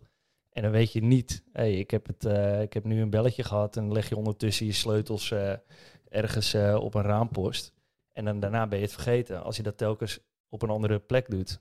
Dus bij mij is het gewoon een regel. Ik stop hem in mijn linker jaszak ja. aan de kapstok. Gelijk. Want dan Gelijk. krijg je een ander soort geheugen, namelijk spiergeheugen. En Ja. daar mag je wel op vertrouwen. Ja. Dus als jij jezelf een bepaalde gewoonte heel veel aanleert, dan kun je ervan op aangaan dat je het onder druk waarschijnlijk ook zult doen. Precies. Dat is het, eh, het hele idee. Maar eh, operationele kennis, als ik dat noem, die niet vergeten dat te mailen. Eh, niet afspraak maken met de APK-garage, want ik zei Z. Ja. Dat gewoon aan, aan de grillen van je hoofd overlaten is een recept voor fouten maken, dingen vergeten en oh shit ja momentjes. Ja. Dat zijn die van, van die momenten, dan zie je iemand belletje, oh shit ja, die had ik ook nog offerte Ja. moeten sturen, weet je wel. Nou, dat, dat, dat, dat, leert mij altijd niet vertrouwen op je. Of verjaardagen. Ja, ik, eh, ik stuur over een uur wel een, eh, een felicitatie. En aan de volgende dag denk ik, fuck, fuck. Nee, Vergeten, gelijk doen. Dus dat. Eh, dus als je zo'n ingeving hebt, gooi je direct neer op een plek die je vertrouwt. Ja. Eigenlijk de moderne variant van een knoop in je zakdoek. Ah, ja. ja. Deden we vroeger ook al. Dus jij hebt, eh, dus jij hebt nu eh 100 eh, mailtjes per dag van jezelf. Nee, valt wel mee. Omdat ehm, ten eerste, ik schrijf meer dingen op in mijn boek als dat ik ze mezelf mail. Ik werk graag op papier. Oh, ja. Ehm, Dat werkt toch ook beter als je het opschrijft? Het heel persoonlijk, man. Oké. Ehm, ik heb het wel eens gegoogeld of het echt waar is dat je dingen beter onthoudt als je het opschrijft. Ja. Iedereen die van papier houdt, die zegt ja, dat is zo. Maar volgens mij is dat niet bewezen. Nee, dus het is volgens mij eh, is aantekeningen maken digitaal. Is niet Hetzelfde. min- ja, is niet minder Ja, waardevol als eh, ehm, op papier maken. Aan de andere kant, je, ik denk wel dat er persoonlijke voorkeuren zijn. Zoals bijvoorbeeld sommige mensen zijn ochtendmens, andere mensen zijn nachtuil. Ja. Ik denk dat dat hier ook wel een beetje waard is, eh, waar is. En wat het mij vooral brengt is, ehm, als je met papier werkt, schrijf je dingen sowieso langzamer op. Dus ik kan langer nadenken over de dingen die ik opzeg, opschrijf. En voor mij zit er iets psychologisch, maar dat is niet onderbouwd, dat baseer ik op niks, in het feit dat ik het niet kan deleten. Ah, zo ja. Dus ik heb iets opgeschreven en nu Ja. staat het er. Ja. Snap je? Ik heb het nu net op mijn roadmap gezet. En eh, als het nu een ongemakkelijk idee wordt dat ik mezelf daar een soort van aan gecommitteerd heb, kan ik het wel doorstrepen. Maar het bewijs staat er nog. Ja, ja, ja. Snap je, ja. dus ik kan dat niet een soort van wegmoffelen. Nee. Eh, en ik denk dat dat iets doet. Maar wat jij zegt, dat het eh, qua onderzoek eh, dan misschien niet is bewezen. Ik heb hier een gesprek over gehad met, eh met Faya Laurens. En toen zei ik ook, ja, dit blijkt bijvoorbeeld uit een onderzoek. Maar ze zegt, ja, mij interesseren onderzoeken niet zoveel, want bij mij gaat het erom wat werkt. Nou, dit werkt voor jou. Dus daar probeer ik ook wa- wat meer naar te luisteren. Van wat werkt gewoon voor mij. Ja. Snap je? Ja, nee, ik snap het. Ik probeer even i- denken wat ik ervan vind. Als je iets zegt als, ja, onderzoeken maken mij niet zo heel veel uit. Ik ben, ik ben wel een fan van, Ja, kijk, zij, zij is zeg maar best wel succesvol, om het zo maar te zeggen. In haar bedrijven allemaal, dat gaat best wel goed. En dan zegt ze, ja, eh, het maakt mij gewoon niet zoveel uit eh, wat anderen zeggen, denken, of er een wetenschappelijk onderzoek aan vooraf is gegaan. Dit werkt voor mij, dus ik, eh, ik werk zo. Ja, ik zit daar dubbel in. Want als, als je mij bijvoorbeeld gaat vertellen van, ja, maar ik ben succesvol en eh, ik ben een groot aanhanger van eh The Secret. En eh, ja, het werkt Ja. gewoon voor mij. Ja, Ik, precies, ik ja. geloof dat meditatie echt iets doet met het kwantumveld. Ja, ja, Ja, dan moeten we even een gesprek hebben met elkaar. Want dan, dan leef je in een soort dat sprookjeswereld. Ik vind het altijd heel interessant om dat soort gesprekken te voeren. Zeker, ik ook. Ik mag daar graag over navelstaan. Ik heb zelfs nog een keer een boekje gelezen, de Science Behind the Secret. Ja. Dan, eh, Heb ik nog een leuke docu voor je. eh, What the bleep do we know? ja, ja, ja, Down the rabbit gezien. hole. Ja, Ja, ja, ja, oké, maar hier is dus het ding. Als je daar een natuurkundige naar laat kijken, Ja. die trekt zijn haren uit zijn hoofd. Van nee, dit is, dit is niet een interpretatie die je zomaar even kunt geven Ja. aan dit fenomeen. Ja, het fenomeen is echt, en voor de mensen die zich afvragen, waar gaat dit over? Eh, er is een bepaald concept in kwantummechanica dat als je iets waarneemt, dat de uitkomst van een experiment anders is. Dus als wij balletjes op een muur afschieten, door twee spleetjes heen, eh, en wij kijken erna, dan eh, is dat wat er aan de achterkant op de muur uitkomt, is anders. Ja, dus de ene keer gaat hij uit elkaar bijvoorbeeld, en de andere keer gaat hij bijvoorbeeld rechtdoor. Ja, is het een golfpatroon? Ja, precies, En, ja, en, ja. ja, de vraag is dan, wauw, eh, wat is het dan dat de uitkomst laat veranderen? Is dat het feit dat het wordt waargenomen Ja. door bewustzijn? Ja. ja, en ik heb hier met Wouter van der Noord ook een keer een gesprek over gehad. En die, die zette dit een klein beetje op losse schroeven, maar ik heb er sindsdien niet, niet dieper naar gekeken. Maar ehm, ik ga er even vanuit dat Neil deGrasse Tyson eh, weet waar hij het over heeft toen hij het hier over had met Joe Rogan. Ja. Dat is een heel bekend eh, natuurkundig eh, wetenschapper uit Amerika. En die zei, ja, weet je wat daar de verklaring voor is? Als je naar dingen kijkt, dan, ja, hoe werkt kijken? Kijken zijn fotonen die ergens tegenaan stuiteren. Ja. Als je kijkt ergens naar, dan stuiteren die dingen heen en weer. Nou, dat is basically wat er gebeurt. Op het moment dat we iets waarnemen. Vrij zijn, simpele redenering. zijn klikkers die zeg maar, tegen ja. elkaar aans, aanstuiteren ja. op een bepaalde manier. En, en ja, hoe kwamen we hier? Omdat ik ergens wel vind dat je... ehm, er zijn miljoenen methodes, maar er zijn maar enkele principes. En Ja. je moet wel snappen welke principes wat doen. En als je je op verkeerde principes baseert... en je hebt toevallig een paar keer geluk gehad... Ja. eh, dan kan je dat in de toekomst eh, ernstig in de problemen brengen. Dus als, Ja. je, als je denkt van ja, nee, maar dat bestaat echt, dus toveren kan.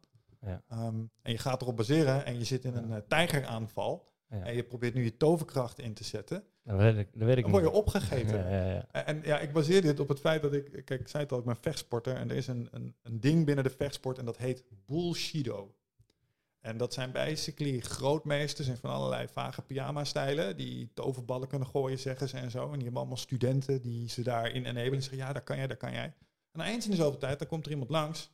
En die zegt, ja, maar ik ben een MMA-vechter. Ik geloof hier niet in. Dus eh, bewijs je stijl maar. Ja. En dan blijkt dat die toverballen gooien, dat werkt nooit. En je keykrachtveld oproepen, doet het ook niet. Snap je? Dus die shit doet het in de praktijk zelden tot nooit. Dus als je daarop baseert, dan kom je met een paar blauwe ogen thuis, is wat ik zeg. En in, in de vechtsport is het natuurlijk super evident, omdat de feedback daar echt heel direct is. Ja. Maar het is een beetje hetzelfde. Dus als jij jezelf een vechtsport aanleert die eigenlijk nergens op gebaseerd is en fabeltjes verkoopt, Ja. en je wil erop rekenen op het moment dat je jezelf moet verdedigen fysiek. Mm.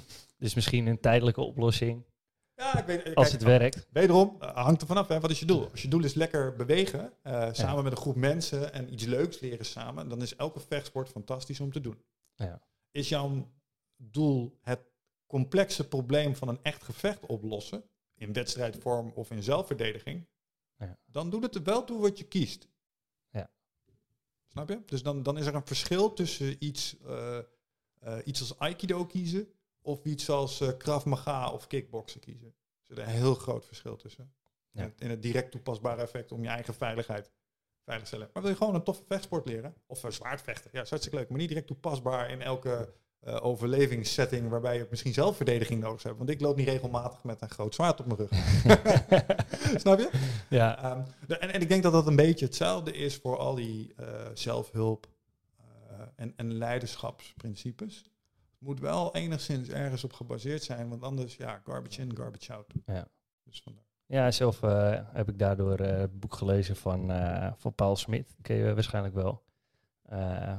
veranderen voor luie mensen. Ja, fantastisch. Lekker Ja. klein boekje ook. Ja, ja, ja inderdaad.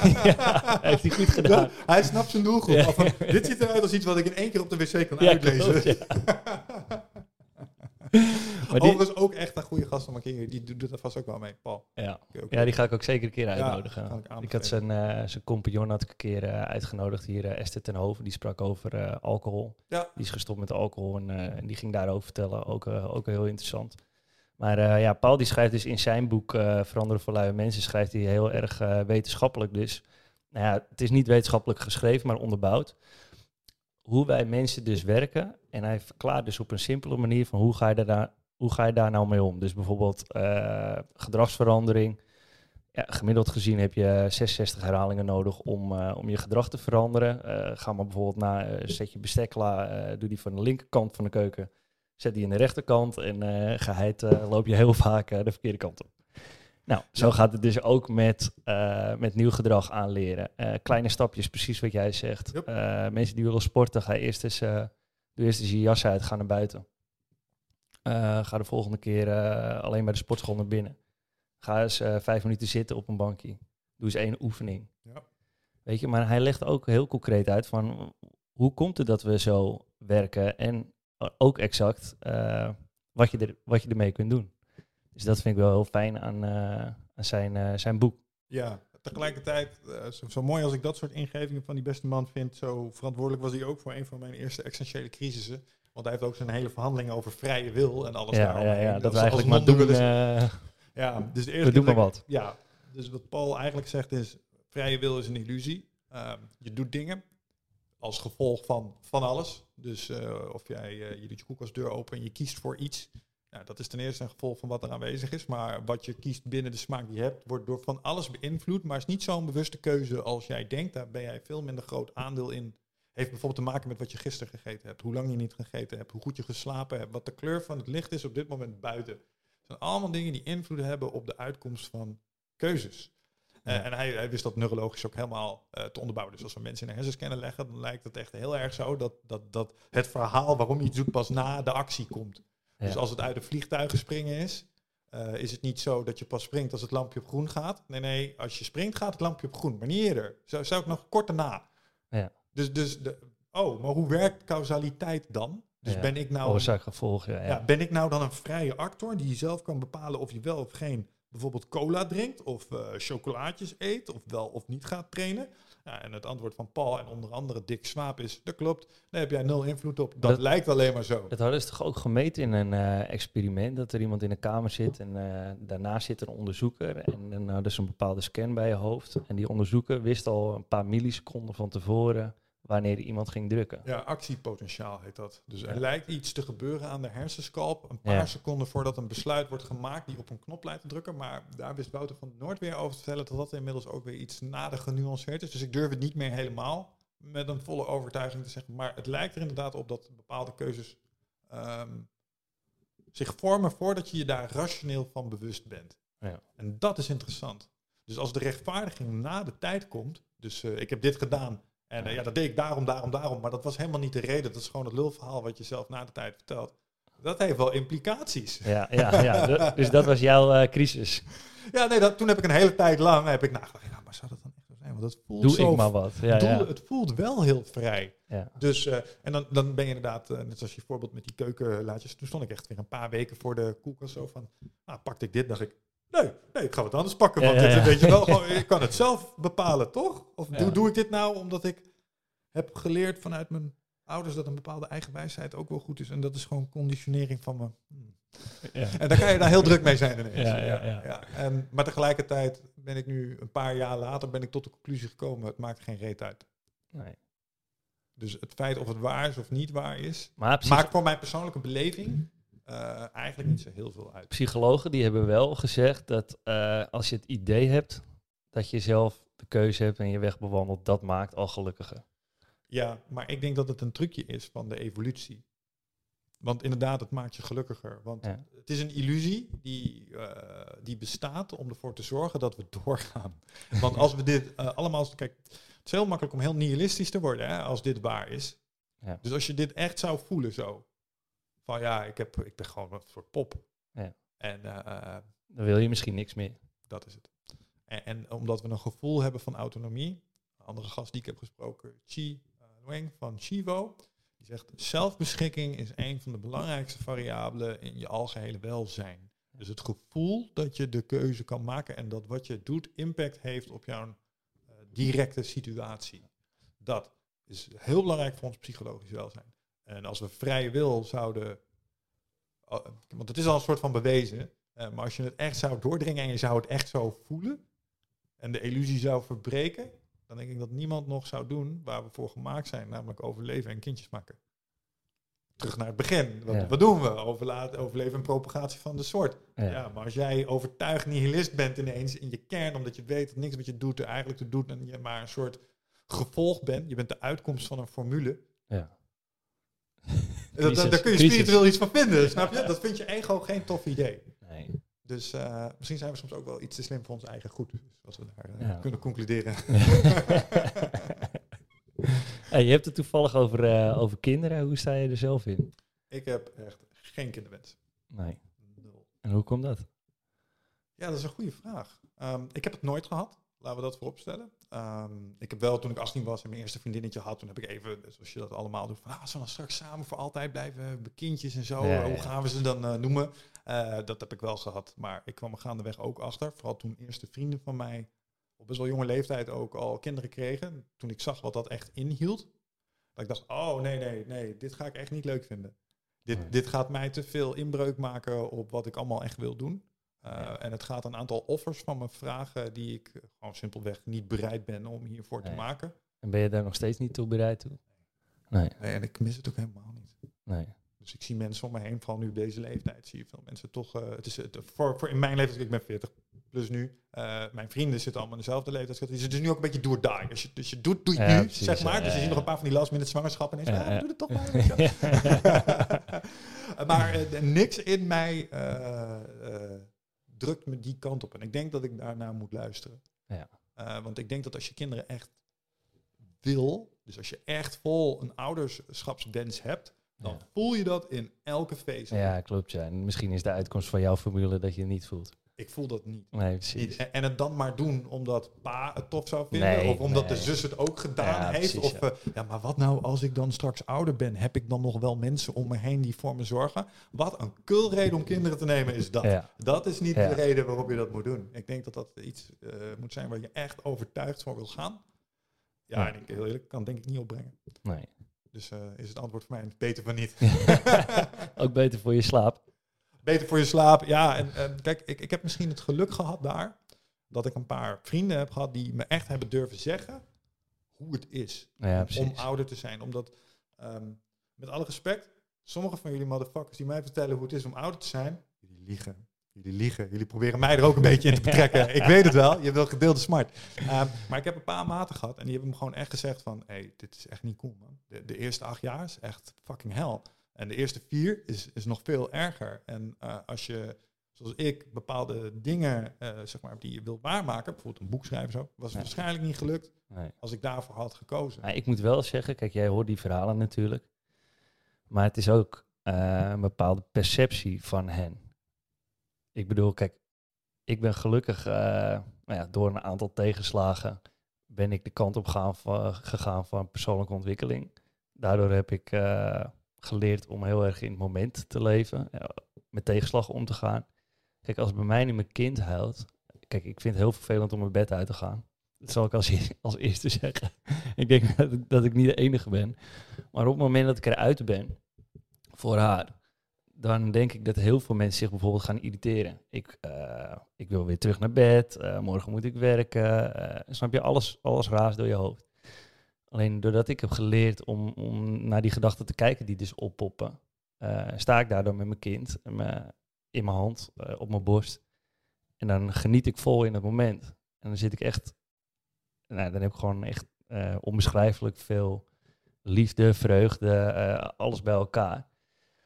En ik denk dat dat ook een, eh, dat je dan heel anders beleeft. En natuurlijk zijn er momenten dat je denkt van, ja, het kost me superveel energie, et cetera. Alleen, wat ik mee wil geven is, eh, het is, het is echt hoe jij het beleeft. Hoe ga je ermee om? Hoe reageer je wanneer ze, eh, hoe reageer je erop hoe, eh, als ze huilen?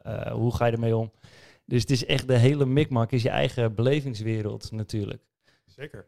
En ik denk eerlijk gezegd dat ik, als ik er nu eh, voor de uitdaging van ouderschap zou komen te staan, dat ik er ook vele malen meer toegerust voor zou zijn als dat ik dat Ja. tien jaar geleden Ja, zou precies. zijn. Want als je het mij tien jaar terug zou laten doen, zou ik me dood irriteren. Eh, Dan was Wat? ik heel erg, eh, dit moet morgen, dat, dat, dat. Zeker. Dan sta je er heel anders in. Onderken ik helemaal. Ja. Ja, zeker. Maar is nog steeds niet Nee hoor, ik, probeer je niet over te overtuigen hoor. Zo van, als ik hier wegga, dan ga Nee, nee, nee, nee, nee, nee, nee, nee. Ik probeer absoluut. niet. Ik, ik wil alleen schetsen dat ja, voor de ouders, het, het, het is compleet je eigen perceptie. Hè? Hoe beleef je het? Een kind Zeker. huilt. Ja, wat, wat zegt dat? Wil jij dat het snel ophoudt? Het huilt gewoon, ja. Heeft waarschijnlijk eh, honger of er is iets. Ik kan hier wel iets zinnigs over zeggen vanuit de Eindbaas podcast. Ik vergeet altijd de naam van deze meneer. Maar we hebben een keer een geluksprofessor over de vloer gehad. Dat was een meneer met een toffe eh, Indiana Jones hoed. Witte Ja. baard. gelukker, eh, professor gelukskunde. En die kan dit gewoon uitdrukken in rapportcijfers. Ah Dus ja, die, die, daar hebben ze gewoon onderzoek naar gedaan. Mensen die kinderen nemen versus mensen die eh, geen kinderen hebben genomen. En dan op eh, leeftijd dat ze kinderen hebben versus latere leeftijd. Ja. En basically komt het hierop neer. Als je kinderen neemt, dan eh, daalt de gemiddelde gelukservaring met twee punten. Ja. Dus het gaat van als je op 8 zit, ga je naar een 6. Zit je op 7, ga je naar 5. Zit je op 5, ga je naar een 3. Want kinderen opbrengen is gewoon moeilijk. Het zijn van de moeilijkste dingen die er is. het kost veel energie. Kost wel energie. Parental investment is dat gewoon. Ja. Tijd, levensgeluk. Want het is zwaar en moeilijk zo af en toe. Dus Ja. het zijn allemaal dingen. Dus het gaat gewoon naar beneden voor twee punten. Ja. Gemiddeld, hè? Gemiddeld. Ja, dat is belangrijk. Zeker. Maar ik ga er even vanuit dat de respondenten eerlijk zijn geweest. En dat de N groot genoeg was om hier statistisch eh, iets zinnigs over te zeggen. Ja. De drawback zit echt, of het- de payback zit op het einde. Eh, want als we kijken naar mensen die seniorenleeftijd hebben bereikt en die wel kinderen hebben genomen, dan zie je wel dat die daarna één punt hoger scoren. Ah, ja. Dus, je zat Dus het is echt investeren. dus ja, je, dus als jij straks gelukkig eh, grootouder bent, ehm, je hebt het allemaal volbracht en je kinderen hebben kinderen en je bent eh 65, 70, Ja. eh, dan voel je je in die jaren, eh, voel je, als je dit voor elkaar hebt gekregen, voel je eh, één punt gemiddeld gelukkiger als mensen die dat niet hebben gedaan. ja, lange termijn. Lange termijn, Ja. hele lange termijn. Dus, eh, en, en dat vind ik heel moeilijk om die, dan nu al daar de offers van te Maar dat zijn ten eerste de jaren die me niet gegarandeerd zijn, weet je wel. Ik weet van nu dat dit er is. Ehm, en dat zijn de, la- de jaren in de luiers en in de rolstoel. En, mm, nee, gekkigheid. De, de- dat, en daar heb ik natuurlijk over nagedacht. Dus dat loopt mij alleen maar. Nou, dan moet je ervoor zorgen dat je ook op later leeftijd gewoon zo hoog mogelijk eindigt. Want als je gemiddeld op een 8 geëindigd bent, ja oké, nou dan mis je die ene punt voor de 9 maar. Maar is nog steeds pretty awesome, ja. denk ik dan. Ja, ja, ja. Ehm, dus ja, dat, dat zou hoe je dat kunnen zijn. En ik denk tegelijkertijd dat ook op latere leeftijd ehm, kun je wel dingen doen om het leuk te houden voor jezelf, wat ik zeg. Dus eh, eh, nogmaals, ik denk niet dat een nageslacht hebben een randvoorwaarde is om een rijk sociaal leven te Nee, kunnen leiden als je op, op Nee. oudere leeftijd bent. Ehm, wat gek genoeg toch best wel heel vaak een argument is wat ik daarvoor hoor. Vind ik altijd Ja. vind ik interessant. Mensen zijn daar wel op een of andere manier toch ook mee bezig. Zo van, ja, maar als ik later oud ben, is het leuk als ik... Ja, dan zie je de kleinkinderen nog eens en dit en Ik zal je zeggen, ik ben daar helemaal niet mee bezig geweest. Ja, ik heb dat ook nooit zo... Ja, nou, fijn om te horen. Ik vond het altijd een beetje een rare reden Ja. om, dat, eh, Ja. om dat te willen doen. Ja, nee, bij mij was het echt een gevoel van kleins af aan al, maar die jij dus niet had. Ja, dat is voor ieder anders. Ja, ik denk dat dat het is. Want, want je weet het wel. Als je ouder Ja, wil worden, weet je dat. En ik Ja. weet heel duidelijk, ik wil het niet. Ja. Ja, en natuurlijk wel nagedacht over waarom exact niet. Dat is ook een hele tijd geweest. Maar dat is misschien weer het verhaal achteraf. Ja, precies. Dus eh, ja, wat ga ik nu dan voor mezelf verzinnen om het, eh, dan, om, om het dan maar niet te willen, zodat het weer... want dat is wel interessant, want dat merk ik wel als het hierover gaat. Ik, ik kleur een beetje buiten de lijntjes voor de gevestigde norm. Ja. Maar geen zorgen, wij zijn met velen. Er zijn heel veel mensen die geen kinderen hebben. Ik ken er- ik- Gelukkig, ja, ja, zitten we helemaal vol hier. Nou ja, luister, dat is, dat is misschien een van de dingen waar ik nog wel eens over nadenk. Ehm, een van de redenen waarom ik het ook niet wilde is, en eh, ik probeer daar heel erg uh, niet te cynisch in te zijn, maar ik ben niet altijd even optimistisch geweest over de toekomst van deze planeet. En Ja. mensen in, in general, zeg maar. Dus uh, je zet, je zet zo'n helemaal nogal in een uitdaging neer. Ja. Ik zeg, maar heeft mijn vader er ook niet van weerhouden? En dat is misschien ook een. Uh, en, en, als dat wel zo was, had ik deze ervaring ook niet gehad. Dus dat is misschien een klein beetje een drogredenering. Ja. En Elon Musk, um, die zegt juist tegenovergesteld: zegt, uh, nee, nee, nee, we moeten de wereldpopulatie juist in stand houden. Uh, Ja. Vooral hoogopgeleide mensen moeten zorgen dat er voldoende. uh, want dat is wel een ding. Bij hoogopgeleide mensen zie je toch dat de kinderwens aan het afnemen is. Omdat ze ambitieus zijn. Ja, en beren op de weg zien. Ja, ja. Dus financieel zijn dit niet echt super zekere tijden bijvoorbeeld. En de kosten, nou, vertel je vast niks nieuws van een kind Ja. uh, opvoeden. Die zijn uh, ook, liggen er niet om. Nee. Snap je? Um, maar hij zegt juist, nee, nee, we, we, hebben die populatie nodig om deze fantastische maatschappij die we neer hebben gezet, moet juist worden gerund door allemaal super slimme, intelligente mensen. Want uh, Ja. de complexiteit van onze maatschappij is gewoon, ja, we zijn geen boerenpopulatie meer, snap je? Dus er Ja. is ook uh, ander kaliber in dat opzicht nodig. Ja. Um, Dus dan is het net eh, hoe je ernaar kijkt. ja. Dus, dus of dat nou helemaal een geldig argument is, daar is, maar je hoeft geen argument te hebben, toch? Nee, dat is waar. Maar ik denk er wel eens, ik heb er wel eens over nagedacht. En dan spelen deze dingen er wel mee. Of als ik dan zo'n artikel lees van Elon, denk ik, oh, Ja. ja. dat is een soort oproep misschien. Ja. Schat, eh, ik heb het er nog eens over gehad met Elon. En, eh, wat dacht je ervan? Ja, en dan is er nog een derde reden voor mij. En die is gewoon super praktisch. Ehm, ik, ik heb een onconventionele oplossing voor mijn relaties. Ik ben eh, ethisch non-monogaam. Dat betekent gewoon, ik heb twee vriendinnen. Polyamoreus. Kijk, dat is de droom van elke man. Ja, ja, totdat je erin zit en denk je, oh ja, careful what you wish for, my man. En wat zijn de valkuilen hierin? Vertel. Helaas zijn we aan het einde gekomen van deel 1 met Michel Vos. In de volgende aflevering praten wij verder over polyamorie, oftewel een relatie met meerdere mensen. Wil je hier meer over weten? Stay tuned. Tof dat je mee op inspiratie was. Wil jij ook nog meer afleveringen luisteren? Sponsor mij dan via opinspiratie.nl.